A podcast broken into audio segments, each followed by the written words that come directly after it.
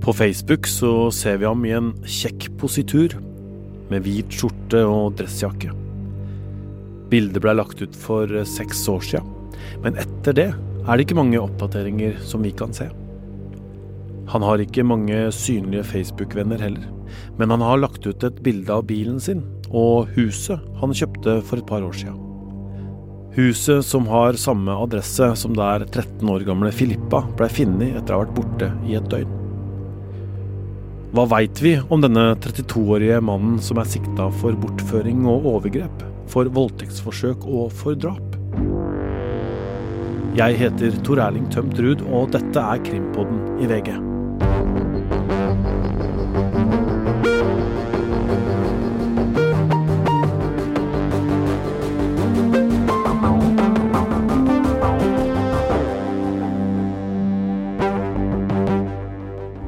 Nok en gang skal vi til Danmark, der nye siktelser har sendt en sjokkbølge over landet. Står de overfor en serieforbryter som står bak bortføring, overgrep, voldtektsforsøk og drap? Én mann som skal ha drept en 17-årig jente i 2016, og som siden har levd under radaren, et tilsynelatende helt vanlig liv i sju år. Politiet i Danmark mener en og samme mann står bak tre alvorlige hendelser som har skjedd siden 2016 og fram til nå.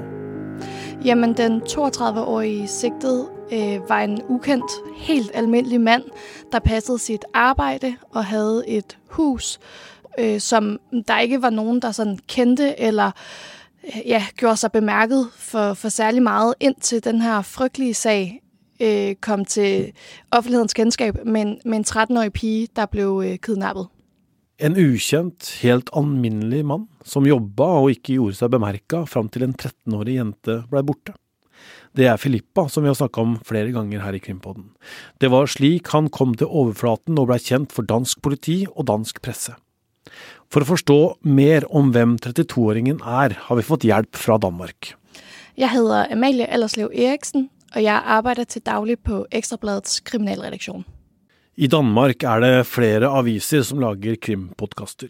Berlingske Tidene har eh, På fersk gjerning, og Ekstrabladet lager den de kaller eh, Avhørt. Amalie Allerslev Eriksen, som vi hører her, er journalist i danske Ekstrabladet. I tilfelle det er litt vanskelig å skjønne dansk, så skal jeg gjenta noe av det Amalie sier. Altså, han har levd et meget alminnelig liv. Han øh, kommer fra en hvad vi har lavet os fortælle, en ret almindelig familie med nogle forældre, der har gået meget op i foreningslivet omkring øh, fodbold, lokale fodboldklubber. Han har sådan gået i skole, han har gået i folkeskole, han har taget øh, det danske øh, handelsgymnasium, og øh, så har han altså fortsat på nogle videregående uddannelser. Han har droppet lidt ind og ud af nogle uddannelser, da han var ung, og så er han altså endt øh, inden for sådan et øh, markedsføringsjob øh, senest. Så alt i, alt i alt en mand, som har levet et utroligt almindeligt liv, og aldri rigtig gjort seg sånn synderligt bemerket for noe. 32-åringen er fra en vanlig familie som har vært engasjert i foreningslivet rundt lokale fotballklubber. Han har hoppa litt av og på forskjellige utdannelser, men lever et helt vanlig liv. Dansk TV 2 har meldt at han også var fotballtrener for jentelag for over ti år siden. En domstol i Danmark har bestemt at det er ulovlig for danske journalister å gjengi detaljer som kan føre til at 32-åringen blir identifisert. VG er ikke bundet av de samme reglene, men enn så lenge så velger vi å ikke si navnet hans. Han erkjenner ikke straffskyld i alt han er anklaga for, og det er fortsatt tidlig i etterforskningen. Vi har vært i kontakt med mannens forsvarer, Karina Skau, og informert om denne episoden. Forsvareren sier at 32-åringen ikke ønsker å gi en kommentar. Det starta søndag 16. april i år, da 13 år gamle Filippa, som hadde vært borte i et døgn, blei funnet. Hun hadde sykla avisruta si på lørdagen, men kom aldri hjem.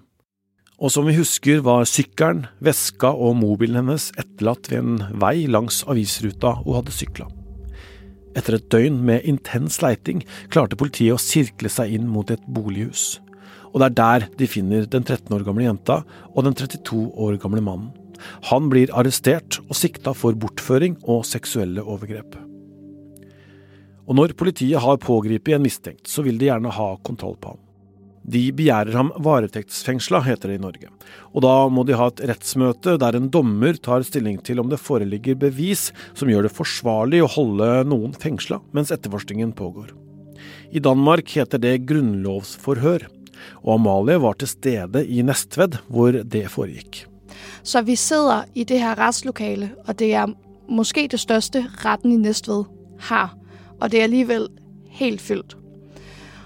Og han bliver så ført ind. Han skal ned af sådan en, en lang gang i den her ret. Og han kommer ind, og han har sådan et øh, gråt øh, joggingsæt på, og helt orange Adidas sneakers.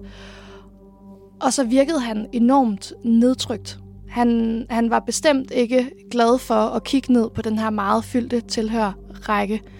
Øh, han havde faktisk næsten ikke lyst til at kigge derned. Der var jo også både nogle af hans pårørende, der var mødt op, noget familie og venner, som ikke havde lyst til at tale med, med de danske medier. Og så var der også mødt nogle af, af den her 13-årige piges øh, pårørende op. Så det var jo sådan lidt, det er jo altid en mærkelig situation. Det jeg sådan kom til at tænke på efterfølgende, det var, at han faktisk måske virkede sådan lidt, lidt flov. Øh, at han havde i hvert fald ikke rigtig det der med, at han, ikke, han ville ikke rigtig kigge ned på, på de mennesker. Det var som om, at det ville han meget gerne glemme. Øh, det var tydeligt at mærke, at han var meget ubekvem øh, ved den her situation. En joggedress og knalloransje Adidas sneakers. 32-åringen ville ikke se på alle de som hadde møtt opp. Amalie syntes det virka som om han var ubekvem med situasjonen. Men det er et uløst mysterium i området der Filippa forsvant, som folk snakker om. På julaften i 2016 ble 17 år gamle Emilie Meng funnet død. Da hadde hun vært sporløst borte rundt et halvt år. Emilie hadde vært ute og skulle hjem. Hun sa ha det til venninnene sine og bestemmer seg for å gå hjem. Jamen, Emilie Meng er, eller var, en 17-årig pige som forsvant efter en bytur i 2016. Øh, hun hadde vært i byen i Slagelse sammen med noen veninder og hun kommer ind med toget på Korsør station klokken lidt i fire. Og her siger hun altså farvel til sine veninder. Øh, de vil tage en taxa hjem, og hun beslutter sig så for, at hun vil gå hjem. Og det er altså det sidste livstegn øh, efter Emilie Meng. Øhm, et halvt år senere bliver hun fundet øh, dræbt i en sø i Bob, der ligger 60 km fra, hvor hun forsvandt. Men der gik altså et halvt år, før øh, man fandt hende. Og jeg kan vist roligt sige, at, at den her drabsag øh, meget tydeligt har, har rørt hele Danmark, og den har rørt særligt det her sydsjællandske område. Øh, der var mange, som jeg talte med, da jeg var ude og, og snakke med folk i forbindelse med den her 13-årige piges forsvinden, som sagde, åh nej, vi kan ikke klare endnu en sag. Det var meget tydeligt at mærke, at det stadig var et åbent sorg i det her lokalområde, at den her drabsag altså aldrig er blevet opklaret. Der var mange, der fortsat ikke turde at lade deres børn gå hjem fra stationen eller cykle nogen steder hen. Og den her kidnapningssag med den 13-årige pige hjælp altså bestemt ikke på det. Og fordi der er meget, øh, der er en, en geografisk lighed mellem drabet på Emilie Meng, og hvor den øh, 13-årige pige forsvandt og blev fundet. Hun blev fundet i Korsør, altså hvor Emilie Meng også forsvandt. Så var det klart, at mange øh, begyndte at spekulere i, kunne de her sager øh, have noget med hinanden at gøre? Mange spekulerte i om de to sakene hadde noe med hverandre å gjøre, forteller Amalie. Drapet på Emilie Meng var som et åpent sår i området men politiet hadde lite å gå etter, bortsett fra et bilde av en bil. Eksperter som undersøkte det uklare overvåkningsbildet fra en togstasjon, mener det er en Hundai i30, en bil som seinere skal ha blitt ødelagt, men solgt til en familie i Slovakia. Nå har politiet henta bilen og funnet ut at 32-åringen eide akkurat den da Emilie Meng forsvant. Det er, etter det vi veit, hovedsporet som politiet har som knytter de to sakene til hverandre. Meget mer vet vi faktisk ikke nødvendigvis. Det vi har funnet ut av, det er at den 32-årige mann faktisk er blevet avhørt i forbindelse med Emilie Meng-saken for flere år siden. Det fikk jeg fortalt av noen venner, fordi han skulle ha fortalt i sin vennekrets at han skulle avhøres. Og det var han altså meget sjokkert over. Sjokkert over at han blei kalt inn til avhør i Emilie Meng-saken, skal han ha sagt til sine venner. Men denne bil har helt sikkert vært et meget sentralt øh, emne, øh, fordi det jo var den øh, bilmodell de efterlyste den gang og aldri kom frem til. Det vi også vet, det var at øh, fordi de liksom, altså, at eieren av bilen aldri meldte seg selv den gang, så var politiet ute og avhøre jeg mener det var over 2000 øh, Hyundai-ejere i forbindelse med denne drabsag. Og så er det én sak til. En ung jente har forklart at hun klarer å unnslippe en gjerningsmann som overfaller henne.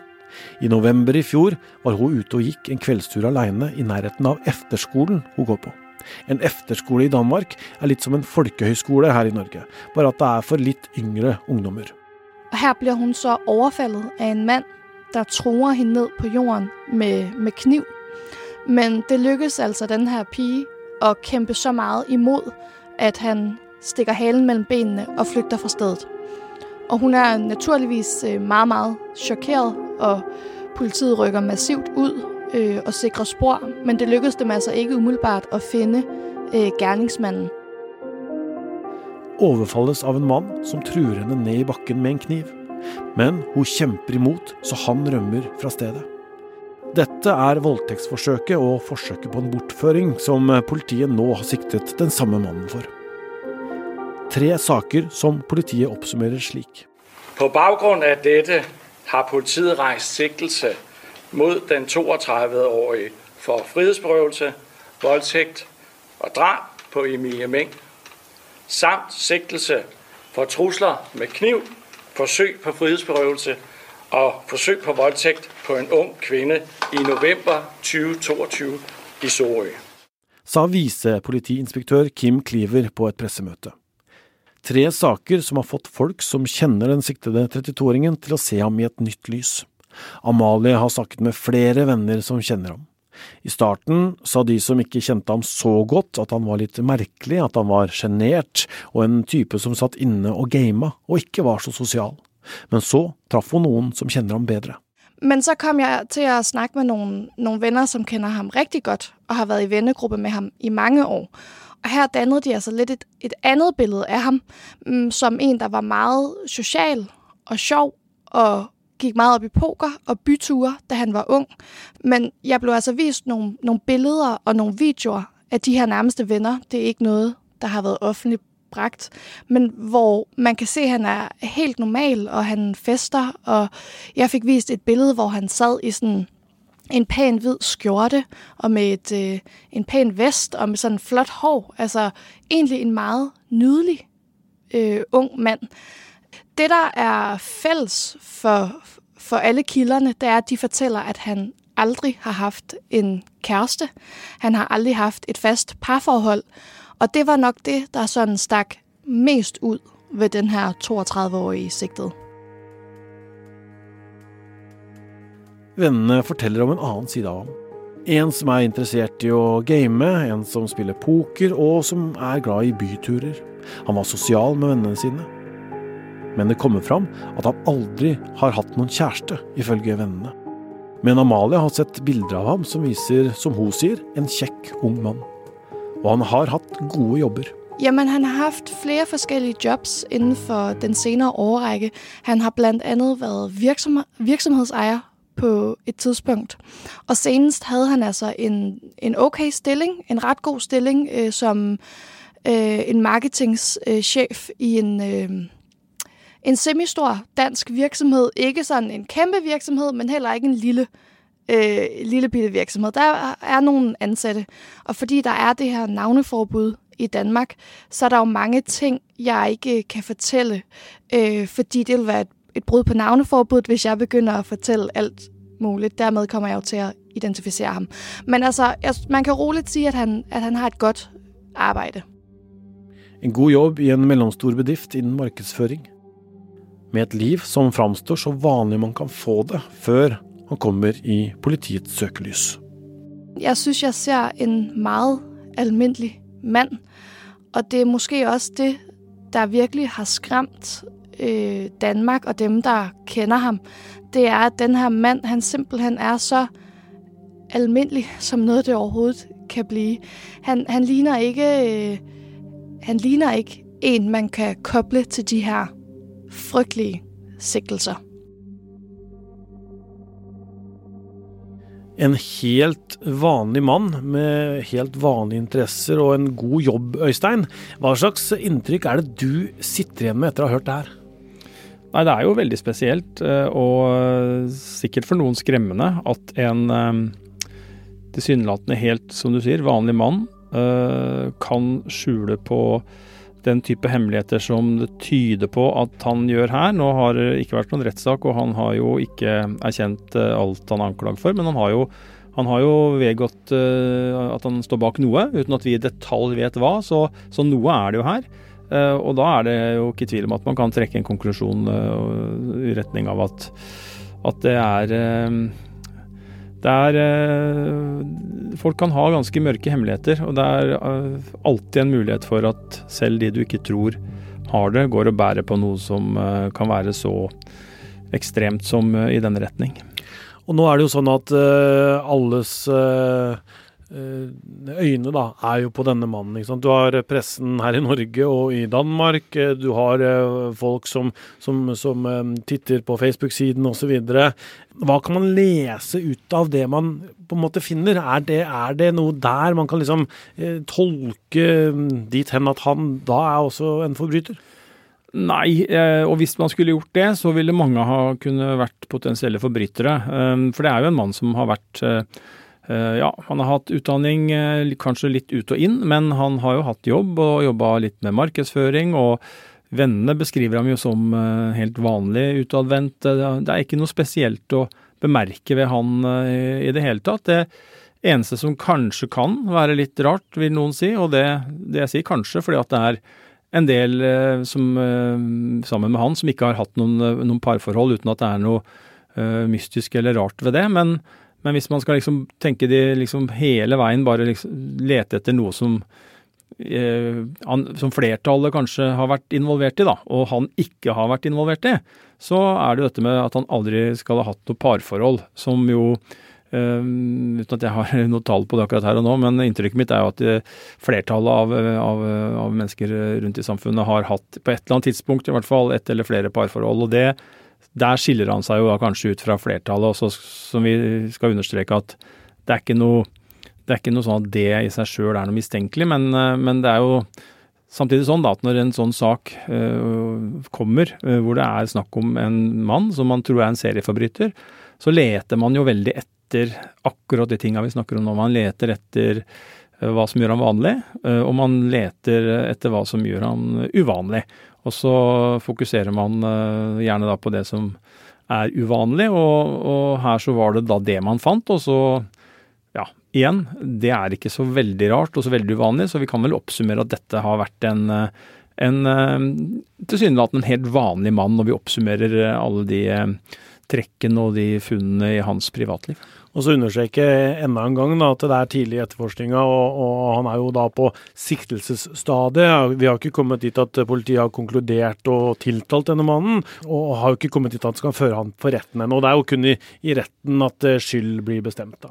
Det er det, og sånn som, eh, sånn som Emilie Meng-drapet som hun er sikta for, så vidt jeg har fått med meg, så er det veldig lite informasjon om noe ute eh, med tanke på hva som knytter ham eventuelt til, til det drapet. Uh, og det er vel heller ikke noen detaljer ute på hva som knytter ham eventuelt til dette uh, det man tror er et voldtektsforsøk. Uh, så det vi vet mest om, er vel for så vidt at han, han jo hadde da Filippa hjemme i huset sitt, og at alt man kan bedømme den situasjonen ut fra, tyder på at det var under tvang, og at han har utsatt henne for seksuelle overgrep. Uh, og at han erkjenner noe i, i, den, uh, i, den, saken, uten at vi helt vet det. Så, så, det er viktig å presisere, som du sier, at her er det en etterforskning, og her er det uh, mange ting man ikke vet ennå. Men hvis det var han da, som politiet mener nå, som tok livet av Emilie Meng i 2016, hvordan kan man da leve helt vanlig eh, etter det? Og så går det ja, nesten eh, sju år, da, og så begynner, begynner, det å skje ting igjen. Ja, det er et eh, fascinerende og godt spørsmål. Eh, for det kan man jo tenke seg at er vanskelig å leve med en sånn hemmelighet eh, uten at det er noen eh, i miljøet rundt deg som, som værer mistanke. Men opp gjennom åra så har jeg vært borti ganske mange Eh, tilfeller hvor folk har gått eh, i måneder, noen i flere år, eh, med visshet om at de har drept noen, eller står bak en annen alvorlig forbrytelse. Og selv ikke ektefeller, barn, bestekompiser, foreldre har merka noen ting. Så når vedkommende har blitt pågrepet, så har det slått ned som en bombe. Og man har jo etterpå selvfølgelig prøvd å granske seg selv. Var det noe ved Tor Erling som jeg burde ha skjønt, burde ha tenkt, burde ha sett? Mm. Har han vært litt rar på noe vis? Uh, og, og, det, og, det, har man da ikke sett, da. Altså det er Som sagt, jeg har detaljkunnskap om ektefeller som har um, levd uh, med, en, med, en, mann uh, i flere år hvor vedkommende har eh, visst at han eh, står bak en eh, svært alvorlig forbrytelse.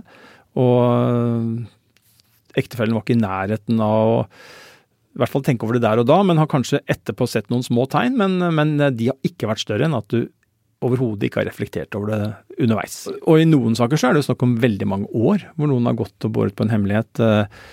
Lommemannen, som jo en serieovergriper som begikk overgrep over det var jo flere tiår. Ehm, han eh, var det ingen som merka noe på i omgivelsene. Um, skal vi ta et forbehold om, eh, om Jonny Vassbakk, som jo nå er dømt for eh, drapet på Birgitte Tengs. Han nekter skyld, så vi skal ha en ankesak, bare så det er sagt. Men gitt at konklusjonen blir at han har drept Birgitte Tengs, så har vi jo begge to sittet i retten og hørt flere fortelle om at han ikke har hatt noen Eh, på å si, store forskjeller eller avvik i, i, i, hverdagen eller livet sitt som har gjort at man har tenkt i retning av at han kunne stå bak. Ja, men da er det på en måte fortida som innhenter dem. Også her I Birgitte Tengs-saken så er det nye eh, bevis i form av ny DNA-teknologi, ikke sant. Mens her, da, i denne danske saken, så hvis det var han som drepte Emilie Meng i 2016, så har det jo på en måte ligget lavt. Men så skjer det, da, hvis det er han som er eh, i dette voldtektsforsøket, og så denne bortføringen, så, så, så skjer det ting igjen, liksom. Ja, det, det gjør det. Så Han kunne jo kommet unna med det uten å bare ikke gjort noe mer. Ja, det, det er, og det er det jo noen som gjør òg. Eh, det er jo uoppklarte drapssaker hvor det helt klart eh, går noen der ute og har oppført seg så normalt at ingen har kobla det til til noe, noe, drap, i hvert fall. Og så kan man jo selvfølgelig ha en unormal oppførsel og endre oppførsel uten at man tenker at det er det som er årsaken, da. Bare så det er sagt også. Men, men, men, men jeg tror liksom det er, det, det, det er fascinerende, og, og jeg, jeg kan telle ganske mange tilfeller, ramse opp ganske mange saker hvor, hvor det har vært folk som har gått øh, og levd livet helt øh, tilsynelatende upåvirka.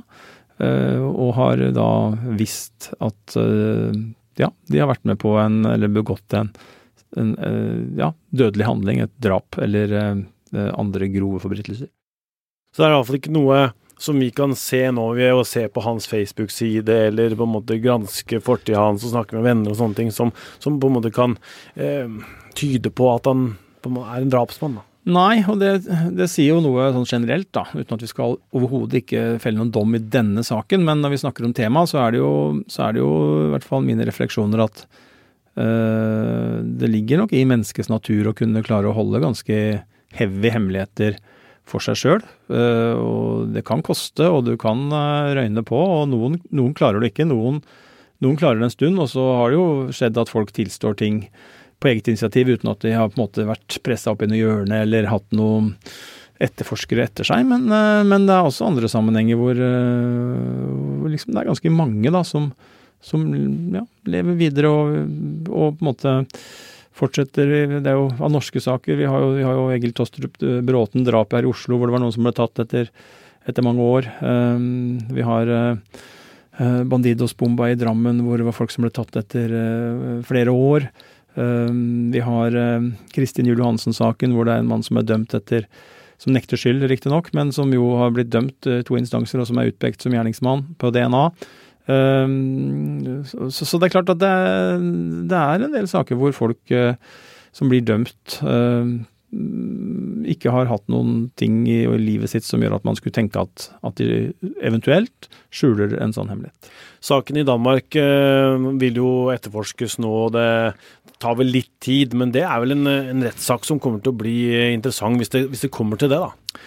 Absolutt. Eh, det blir en, en veldig interessant sak. Og det, det, med serieovergripere er jo et eh, jeg skal ikke si ukjent fenomen, for det, for det, for det forekommer. og og det forekommer jo, etter min erfaring, oftest kanskje uh, i uh, Man har jo seriedrapsmenn også, men, men det er nok mer naturlig nok vanlig, si, i den grad man kan kalle det vanlig, da. Men det, nok, det forekommer nok ofte, mye oftere at det er sedelighetsforbrytere, altså seksualovergripere, som, som, som begår disse serieovergrepene, og som har flere. Vi har jo hatt saker, og har saker i ny og ne i Norge hvor det er folk som blir menn, da, som blir tatt for mer enn én voldtekt. Eh, som har, voldtatt, har voldtatt en kvinne, og så har gått to år, og så er han voldtatt på nytt, og så kanskje en gang til, og så blir han tatt.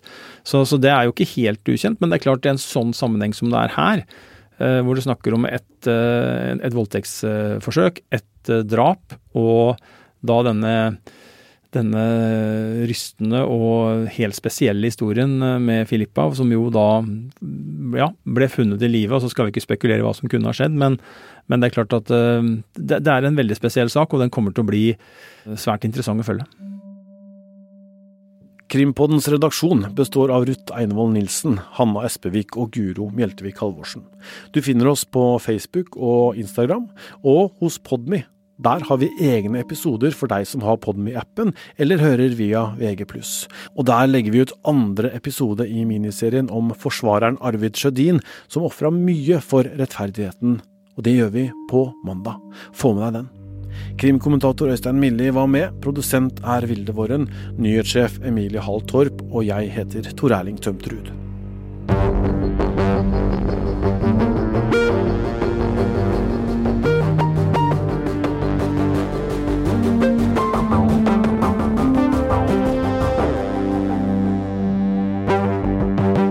Har hørt en podkast fra VG. Ansvarlig redaktør, Gard Steiro.